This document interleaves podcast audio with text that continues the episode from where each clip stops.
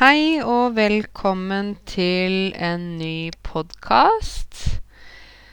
Det er nå eh, ikke så lenge til jul, og det nærmer seg 1. desember. Eh, nå på fredag så var det jo Black Friday, og jeg vet ikke hvordan det var med dere, men eh, jeg hørte mange historier om folk som hadde gått helt bananas, sier vi på norsk. Å gå bananas betyr å bli helt vill. De hadde gått helt bananas eh, i enkelte butikker fordi det var så veldig bra tilbud. Så folk hadde eh, løpt inn i butikken, og de sloss om å få tak i eh, f.eks. jakke jakker eller andre ting som var på tilbud. Og jeg hørte til og med om noen som ble skadet fordi de hadde vært uh, med på Black Friday-handling. Uh, Så det er jo ganske sånn vilt, da, når folk uh, blir helt sånn gale fordi at de har lyst til å kjøpe noe på tilbud. Um, jeg håper jo at det var veldig bra tilbud, da. Sånn at de i alle fall fikk en, eh, en god uh, deal. jeg vet ikke hvordan det er med dere, jeg, om dere var på Black Friday og hva dere kjøpte. Uh, selv så hadde jeg en veldig travel fredag, så jeg rakk ikke å gå på noen butikker, egentlig. Jeg prøvde å kjøpe noen ting på nettet på eh, nettbutikken til Kitchen, som er da en sånn butikk for eh, kjøkkenting. Eh, og da prøvde jeg å kjøpe noen sånne kopper som de hadde på tilbud der. Sånne kaffekopper med lokk, sånn som man kan ta med seg når man er i farta. Det betyr at man er på veien, da. Å være i farta.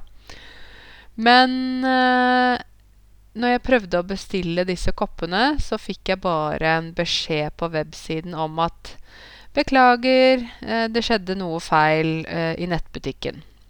Og jeg tror det var fordi at det rett og slett var så mange som prøvde å logge seg inn på eh, nettbutikken på samme tid, og så ble det bare for mange. Så systemet ble overbelastet. Um, jeg må jo fortelle om også at jeg var i Drøbak denne uken her.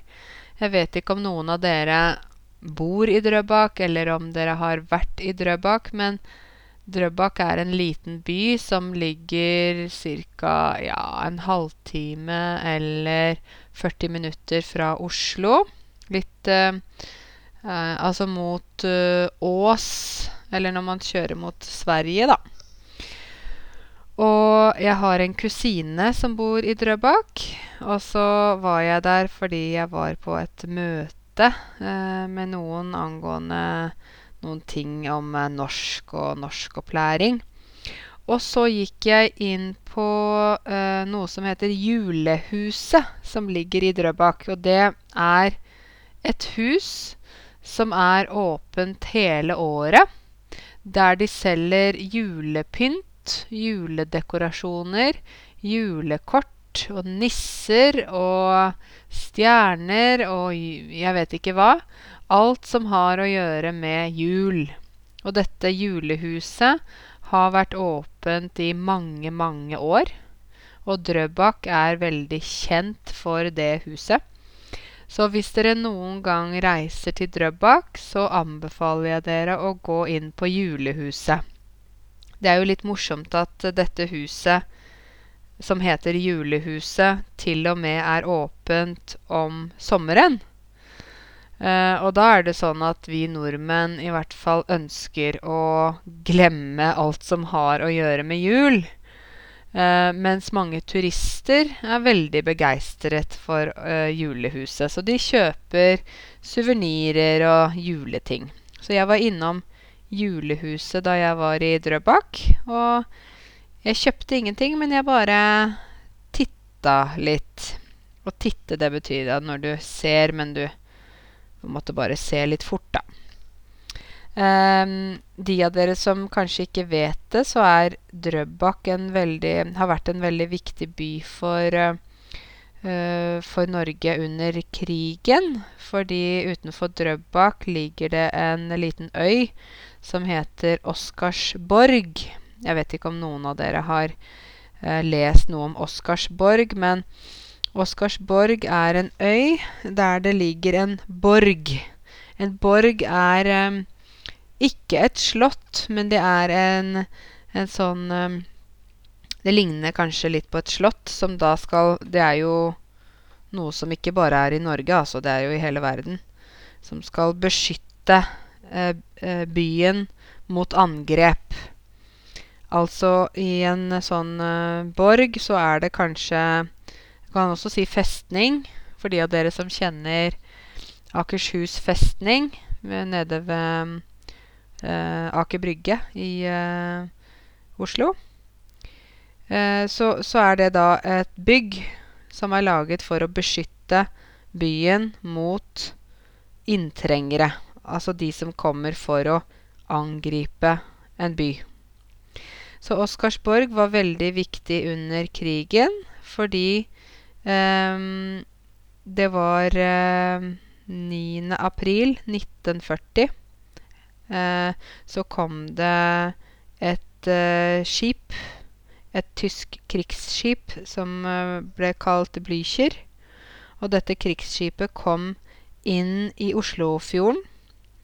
Det var et veldig langt og stort skip. Det var helt svart. Helt, helt svart. de hadde ikke lys på dette skipet fordi de skulle komme inn til Oslo. Altså poenget var at ingen skulle se dette skipet, fordi tyskerne kom inn til Oslo for å overta Oslo. Eller for å ta over Oslo, blir vel egentlig det verbet som blir riktig å bruke. Men på Oscarsborg så var det jo noen uh, som jobba, som var der. Uh, men det var ikke trente soldater eller noe sånt. Um, men det var én mann, nå husker jeg ikke navnet hans, men han var en, en uh, av de sjefene der ute. Og han uh, fikk melding om at det var noe som var på vei inn Oslofjorden. Og det han tenkte da med en gang, var at dette er en trussel for Norge. Dette er gjester som ikke er velkomne. Så han sa til alle som var på Oscarsborg. Nå må alle komme. Alle må gå til kanonene. Vi må skyte.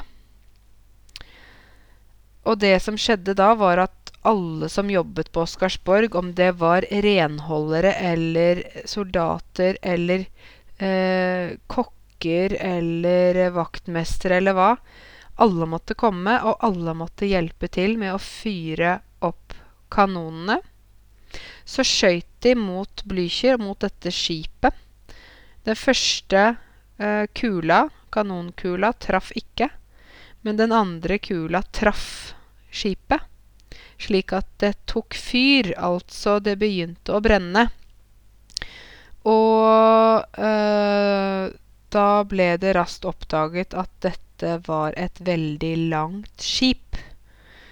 Og dette var faktisk eh, eh, en trussel for Oslo. Det var faktisk noen som var på vei inn for å ta over byen. Og skipet eh, tok fyr. Det brente, og skipet sank faktisk. Det gikk altså under vann. Og mange av disse tyske soldatene, de eh, druknet. Og eh, så fikk de da som var på Oscarsborg, som var ute på denne øya, ikke sant, som ligger ved Drøbak. Da fikk de sendt inn beskjed til eh, kongen og til regjeringen om at nå blir Oslo tatt over. Nå er tyskerne på vei. Nå må statsministeren og kongen og alle må flykte. For nå eh, har vi snart ikke noe eh, kontroll over byen. Og dette gjorde at vår konge på den tiden, kong Haakon den syvende, Han eh, forsto at nå var det alvor, så han dro med regjeringen til Sverige. Um, hans sønn Olav, som senere ble kong Olav, pappaen til vår nåværende konge, kong Harald, eh, flyktet også med sin kone eh, prinsesse Märtha. Um, og det som skjedde faktisk da i Sverige Jeg vet ikke om noen av dere har sett filmen 'Alt for Norge', som handler om Ja, ikke 'Alt for Norge', er vel ikke det den heter. Den heter vel 'Kongens nei'. jeg sier 'Alt for Norge' fordi jeg tenker på det kong Haakon sa, um, som ble hans um, ord. Det var 'Alt for Norge'. Han var en konge som ofret sitt liv, eller som var villig til å ofre sitt liv for Norge. Men 'Kongens nei' Jeg vet ikke om noen av dere har sett den filmen, men uh, til de av dere som ikke har sett den, så anbefaler jeg dere å se den. Og det er en film som da handler om eh, hvordan vår konge eh, var under andre verdenskrig, og hvilken rolle han spilte for Norge. Og hvordan han Eh, ledet Norge eh, fra England. Altså han ga beskjeder til eh, det norske folk gjennom radioen, for han flyktet da etter hvert fra Sverige til England. Eh, fordi statsministeren vi hadde på den tiden, eh, bare forlot eh, posisjonen sin og sa jeg at jeg, jeg vil ikke være statsminister, jeg vil ikke ha dette ansvaret. Og da sa kong Haakon ok, greit. Da får jeg ta ansvar for Norge, jeg. Og det gjorde han. Um, og det vil jeg gjerne at dere vet at det er jo en av grunnene til at vi i Norge, i hvert fall de som er eldre, altså gamle mennesker, er veldig glad i kongefamilien. For kongefamilien har betydd mye for uh, Norge særlig under krigen. Eh, dessuten så er jo kongefamilien eh, fine folk. De er jo gode representanter for Norge. Eh, så dere, hvis dere noen gang er i Drøbak, og særlig om sommeren, hvis dere kan reise med båt ut til Oscarsborg, så anbefaler jeg dere å gjøre det. Da kan dere gå på sånn um, visning og ha en guide som forteller dere historien om hva som skjedde den natten 9. april. Og så kan dere lære litt mer om, om, norsk historie. Det er noe som er veldig viktig for oss. Og alle land har jo en historie. Så alle land eh, eh, har på en måte noe å fortelle, og det har jo Norge også. Så jeg tenker at det er viktig å forstå hvilken historie vi har for å kanskje også forstå hvorfor vi er som vi er. Og historien er jo noe av det som gjør at eh, f.eks. Norge, da Hvis jeg tar Norge som eksempel, så er historien vår noe av det som har gjort Norge til det landet det er i dag. Um, og når du ser nordmenn f.eks. da eh, på 17. mai, hvor vi har flagg, bunader, synger norske sanger og virker kanskje veldig patriotiske, så er jo det en del av historien fordi vi har feiret f.eks. grunnloven vår, da, som vi fikk i 1814. Så det er grunner til at vi gjør som vi gjør, og grunner til at du gjør som du gjør, og kanskje tenker som du gjør, fordi ditt land har en historie. Alle har en historie. Og det er viktig å ikke glemme historien, da. Men jeg er jo lærer i historie, og jeg er veldig glad i historie. Så jeg kan snakke om historie eh, fra morgen til kveld, egentlig. Jeg skal ikke snakke om historie så mye her, men, eh, men det er jo litt spennende da, å lære litt om det. Um, jeg må fortelle dere litt om uh, en konsert jeg var på på fredag denne uken. Uh, og når denne podkasten kommer ut, så er det vel kanskje mandag morgen. Men uh, uh, I hvert fall så var jeg på en konsert på fredag. Og det var en funk- og soul-konsert. Det var da fredag 24. november, samme, samme dag som denne Black Friday. Eh, og det var på Kosmopolit i Oslo. Og der var det først et band som het Baba Soul and The Professors of Funk. Det var ganske kul musikk. Litt sånn eh, Jeg følte at jeg var litt sånn tilbake til kanskje 40-50-tallet. Eh, kul musikk med litt sånn storbandaktig Ja, dere kan jo sjekke det kanskje selv på iTunes eller eh, YouTube. Baba Soul. Bare søk på Baba Soul, så finner du det sikkert. Og så etterpå kom det en, en annen eh, dame som het Martha High. Og hun kom nok fra USA, tror jeg. Eh, og hun sang da soul og litt funk og um, Ja. Men det var veldig kult, for det, det var sånn Det var ikke sånn konsert hvor man står og hopper og er helt sånn vill, men vi satt alle ved bord. Og så var det da denne ganske kule musikken, da. Så øh, jeg syns det er veldig gøy å gå på konserter og høre forskjellig musikk. Uh, og også for å få litt sånn kulturell uh, inspirasjon. Um, så var jeg da ute med noen kollegaer av meg, og så hørte vi på denne konserten. det var egentlig to konserter i én konsert, da. Så veldig, veldig kult. Så dere som bor i Oslo, der på Kosmopolit, som ligger på Torshov, der er det mange forskjellige konserter. Sånne forskjellig type musikk. Så det, det kan jo være kanskje interessant for noen av dere, da, å se på. Um, og i helgen så har jeg vært hos en god venninne av meg som heter Mari. Og hun er så flink med hendene sine. Vil si at hun er veldig flink til å lage ting. Hvert år så har hun eh, et eh, juleverksted hjemme hos seg selv. Det er egentlig et eh, Liksom, hun har et rom i huset sitt der hun lager julekranser.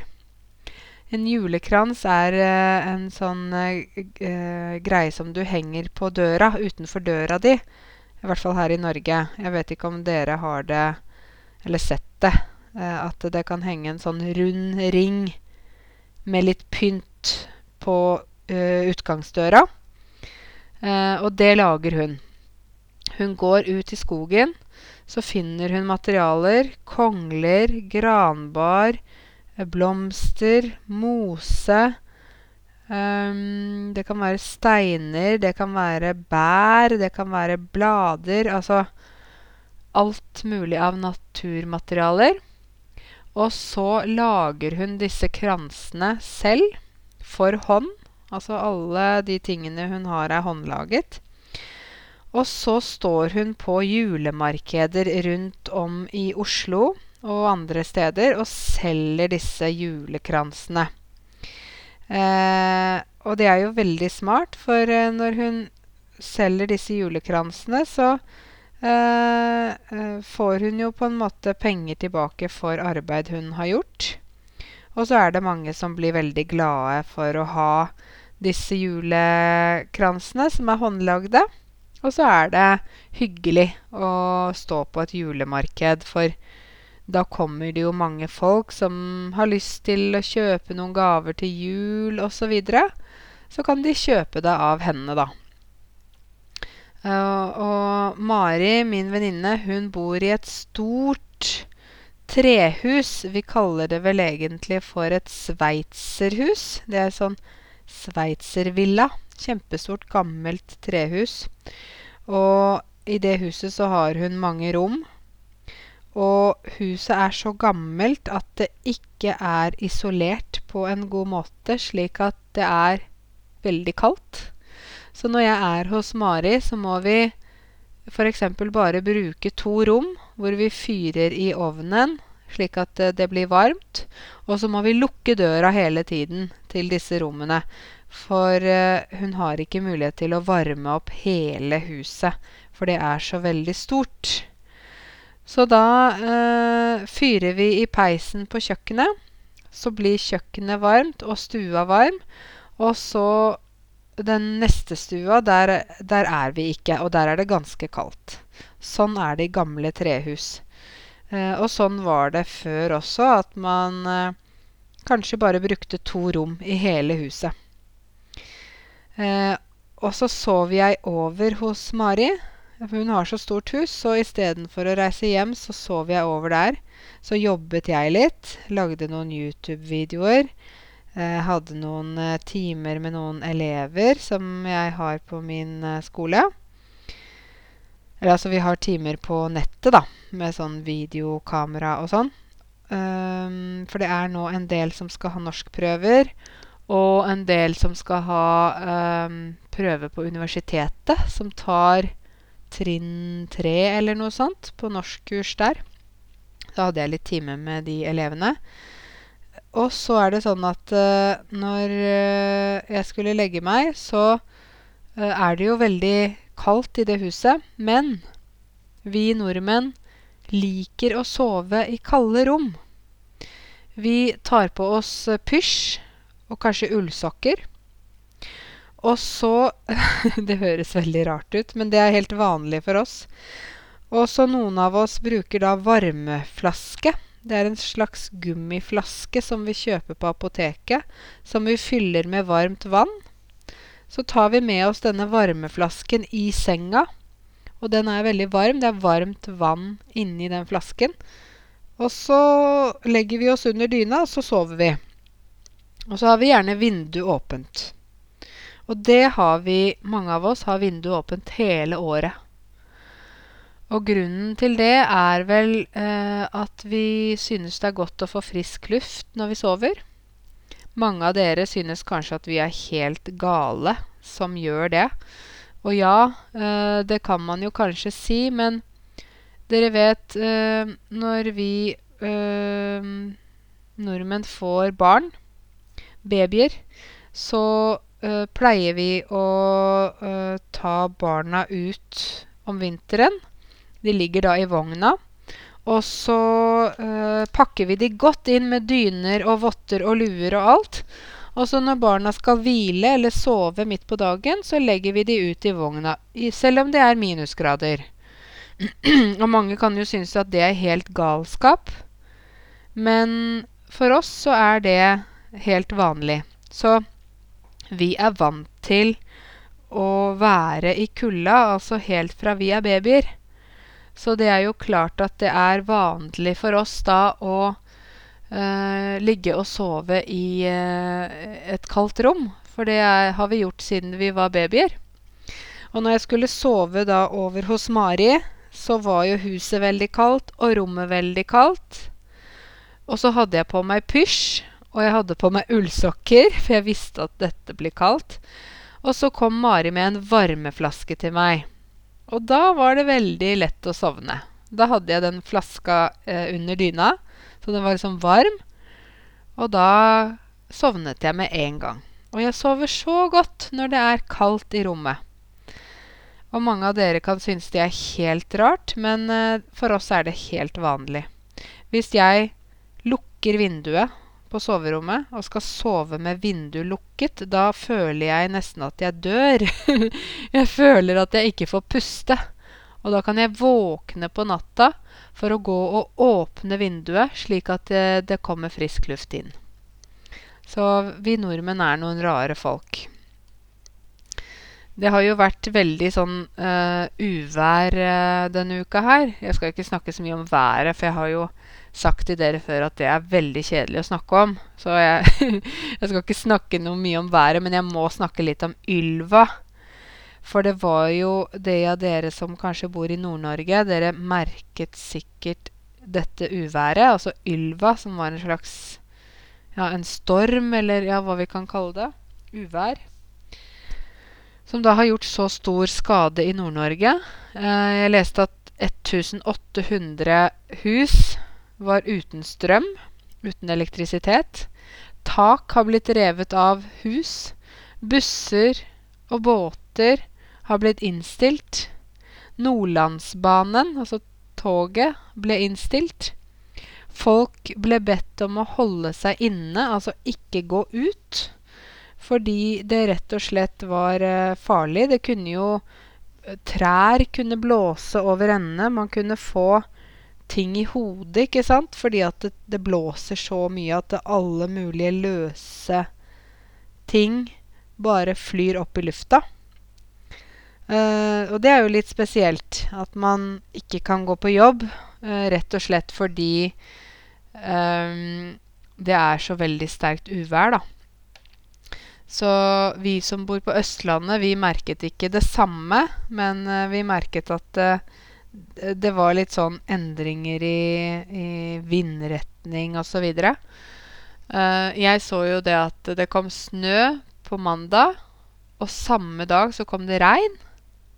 Så det er veldig rart. Først var det full snøstorm, og så var det fullt regn. Og da tenker jeg litt sånn Jeg skal ikke snakke om været, men jeg må si at jeg tenker litt på hva som har skjedd med den globale oppvarmingen, og hvordan dette påvirker oss. Um, for jeg husker veldig godt at da jeg var liten, så var det alltid hvite vintre her i Norge. Det var alltid masse snø i desember og januar. Det var sånn alltid så var det hvit jul, som vi kaller det. Um, det var masse snø. Og jeg husker uh, OL i Lillehammer i 1994. Da var det olympiske leker i Norge. Vinter-OL. Og den vinteren husker jeg at det var så mye snø. Det var uh, så mye snø at når man kjørte på veiene, så var det brøytekanter. Det vil si at brøytebilen eller traktoren som tar snøen vekk, hadde kjørt på veien. Og så var det så mye snø at det ble høye sånne kanter eller slags snøvegger på siden av veien. For det var så mye snø. og jeg husker at vi eh, gikk på ski hele vinteren. Det var jo veldig mye snø. Vi akte ute i bakken. Vi lagde bobbane, husker jeg, hjemme. Så før så var vintrene mye mer stabile. Men nå så er det bare en blanding av regn og snø og sol og tåke. Og så kommer litt regn igjen, og så kommer det snø. Og så blir det til is, og så kommer det mer snø. Og så Ja, nei, det er helt uh, forferdelig. Det er så store forskjeller. Uh, så vinteren er ikke så stabil som den pleide å være før, da. Så det er uh, Ja, rett og slett sånn. Dere, er det noen av dere som bruker kontaktlinser? Eller linser, ikke sant? Altså ikke briller, men linser. Jeg bruker selv linser. For jeg har jo i mange år jobbet ganske mye på data. Og jeg husket da jeg studerte, så jobbet jeg på UPS, eller United Parcel Service. Og da jobbet jeg bare med data. Jeg satt med fortolling. Det har jeg snakket om før. Og etter jeg hadde jobbet der i kanskje to år, så husker jeg at det var en dag som eh, jeg skulle se på klokka på veggen. Skulle se hvor mye klokka var, fordi det var lunsj. Og så var klokka veldig langt vekk fra der jeg satt foran den dataen. Så jeg så på klokka nede på veggen på kontoret. Og så kunne jeg ikke se hvor mye klokka var. Jeg husker jeg tenkte Hm, hvorfor kan jeg ikke se hva klokka er. Og så sa kollegaen min til meg Du, Karense, jeg tror du begynner å få problemer med synet ditt. Så sa jeg ja, jaha, kanskje det. Så sa hun prøv mine briller.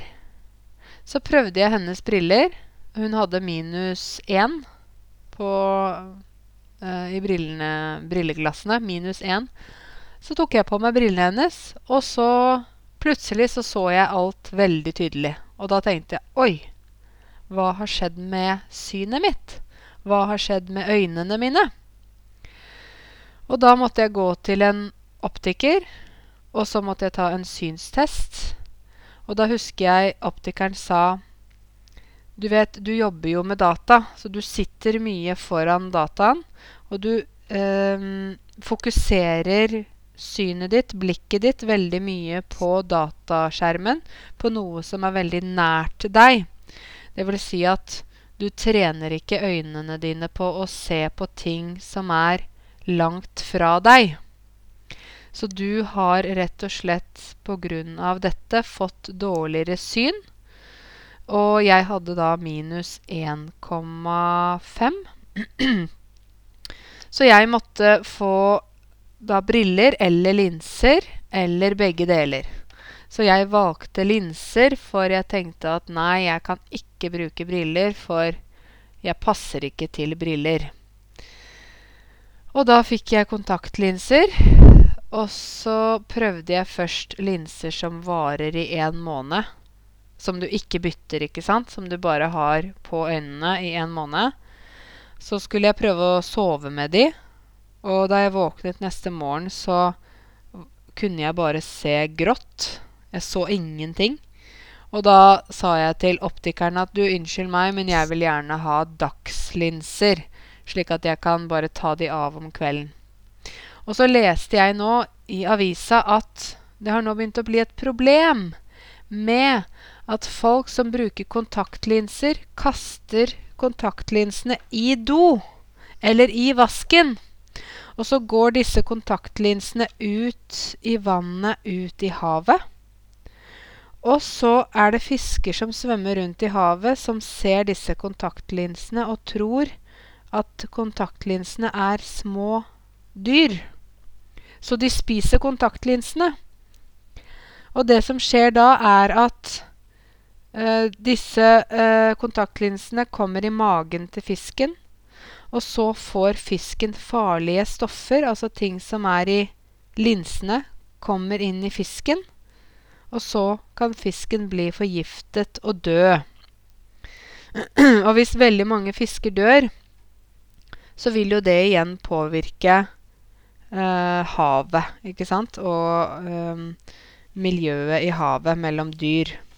Så dere, dere som bruker kontaktlinser, hvis dere eh, skal kaste kontaktlinsene, så kast de i søpla. Ikke kast de i toalettet eller i vasken. For da kan dette faktisk havne i magen på fisker. Og jeg leste at uh, i Norge så kaster man 260 000 kontaktlinser hver dag. Så hvis 260 000 kontaktlinser går ned i toalettet og ut i havet og blir spist av fisk, og hvis dette skjer hver dag, da kan det ha veldig store konsekvenser for uh, Eh, rett og slett for naturen. Ok? Så ikke putt kontaktlinsene i toalettet. Det skal jeg også huske på, for jeg har gjort det samme. Um, når det er sagt, så er jeg jo veldig glad for at jeg kan bruke kontaktlinser. Men jeg har jo også briller hvis jeg uh, vil ha en liten pause fra kontaktlinsene, da. Uh, dere, nå nærmer det seg jul, ikke sant? Og nå er det I dag er det 26. november. Og mange av oss uh, reiser til Sverige for å handle mat til jul. og jeg vet ikke hvordan det er med dere, men jeg pleier å handle mat i Sverige. Uh, før så var det egentlig mer penger å spare fordi den svenske krona Jeg husker da jeg jobbet på UPS. Det var i 2007 eller 2008 eller noe sånt. Så husker jeg at 100 norske kroner var det samme som 82 eller 83 svenske kroner. Det betyr at det var veldig bra for oss å handle i Sverige, for vi kunne spare mye penger. Mens i dag så er den svenske krona nesten lik den norske krona. og det betyr at når vi da drar til Sverige, så er det ikke så mye penger å spare hvis vi ikke kjøper veldig mye, da. Så hvis du f.eks. er en gruppe venner som drar sammen til Sverige og spleiser Det heter spleise. Spleiser på bensin. Spleiser på bompenger, ikke sant, når du kjører på veien. Da kan det lønne seg. Da kan du spare penger.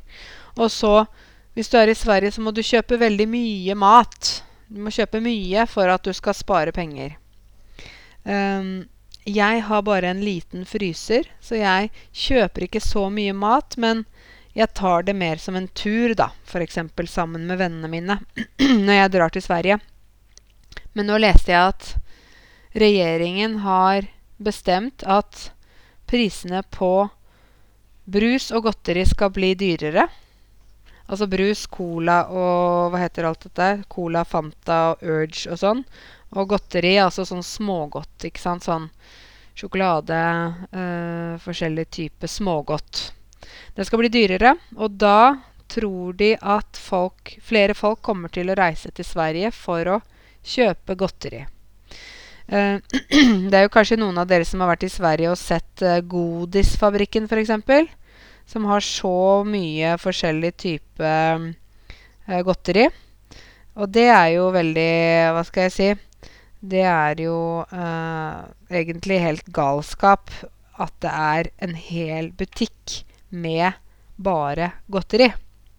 Og så går man der, og så er det noen som kjøper mange kilo godteri, og så drar de da hjem. Eh, og har dette godteriet hjemme.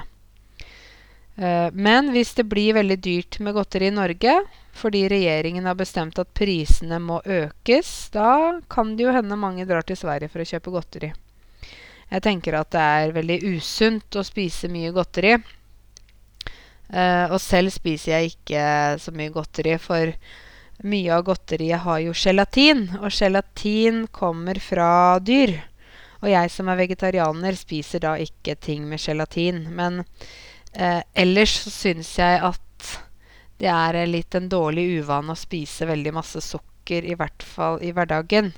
At man kanskje bør prøve å begrense sukkerinntaket til lørdag og søndag. Eh, eller bare lørdag. Vi har jo noe i Norge som heter lørdagsgodt. Og det er det nordmenn gir til barna sine. Det er godteri bare på lørdag. Ikke godteri på mandag, tirsdag, onsdag, torsdag når de vil. Da jeg var liten, fikk jeg 20 kroner på lørdag. Og da kunne jeg gå på butikken sammen med søsteren min og kjøpe lørdagsgodt. Da kunne jeg selv velge hva jeg ville kjøpe, men eh, det var bare 20 kroner. Så jeg kunne jo ikke kjøpe så veldig mye. Og det tror jeg er fint. Eh, for da lærte jeg å bruke penger på en riktig måte. Og så lærte jeg kanskje å planlegge litt. Og så fikk jeg da begrenset med eh, godteri. Så jeg fikk jo ikke hva som helst. Jeg fikk jo ikke hva jeg ville. Eh, kunne jo ikke kjøpe mange kilo godteri. Så da ble det litt mer spesielt òg, når man ikke bare fikk så mye man ville. Men jeg vet at mange barn i dag de er overvektige. De er, eh, spiser for mye, beveger seg for lite. Kanskje mye av grunnen til det er smarttelefoner. Uh, iPad, TV Altså at barna sitter mye stille. Jeg vet ikke. Men, uh, men det er jo sånn, da. Hvis du beveger deg for lite, sitter for mye, spiser for mye, da blir du større. Ikke sant? Og da blir du dårligere i form.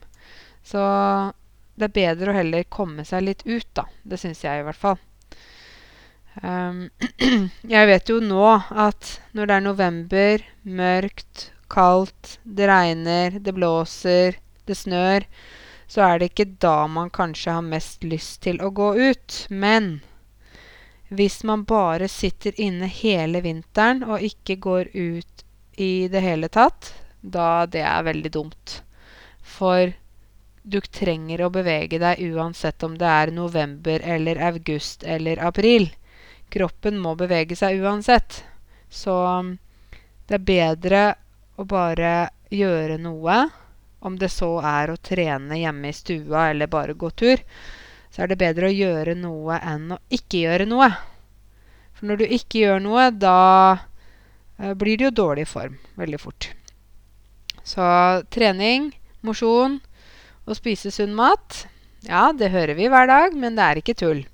Det er eh, faktisk veldig viktig å tenke på. Og jeg tror jo det at nordmenn er veldig sunne og aktive også.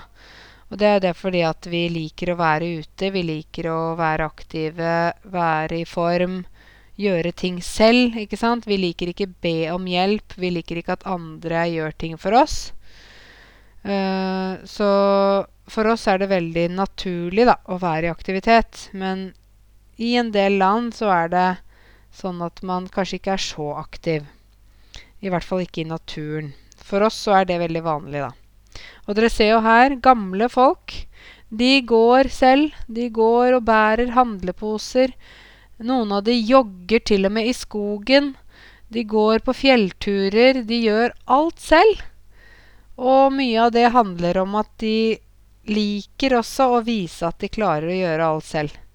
Mange eldre nordmenn, de, det er veldig viktig for dem å vise andre at de, de er flinke uh, og spreke og i god form. Uh, hvis du spør en gammel mann eller dame på bussen om de har lyst til å bruke setet ditt, om de vil sitte, da vil du kanskje oppleve at de uh, blir sinte eller sure og fornærmede og sier til deg 'Hæ? Sitter jeg? Nei, jeg kan stå.' Og så sier du 'Ja, men du kan få sitte her. Jeg kan stå. Dette er bussen.' Uh, 'Det er helt fint. Jeg kan stå. Du kan sitte.' Og da kan det hende de tenker 'Hæ? Tenker de at jeg er så gammel at jeg ikke klarer å stå selv?' Tenker de at jeg er syk eller gammel eller svak? Å nei. Jeg er ikke gammel, jeg er ikke syk, og jeg er ikke svak. Jeg er både sterk, og jeg er sunn, og jeg er frisk. Jeg skal ikke sitte på bussen. Vær så god, ta stolen selv. Kan du sitte deg selv? så ikke spør gamle folk om de skal sitte på bussen eller på toget. Ikke, du trenger ikke gjøre det. Og ikke spør gamle folk om du skal hjelpe dem å bære posene heller de blir nesten litt fornærmet, for de føler at du tenker at de er gamle og svake og ikke klarer det. Så gamle norske folk, bare la de få lov til å gå og gjøre sånn som de gjør. Ikke gå bort til de og eh, prøve å hjelpe de, for de blir faktisk fornærmet. Og jeg vet at det høres veldig rart ut, at de kan bli sinte for det, men sånn er det. ok, så vær forsiktig med de gamle, da.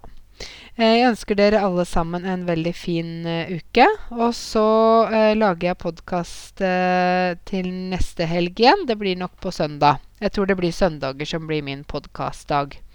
Så da ønsker jeg dere en fin uke, og ta vare på dere selv.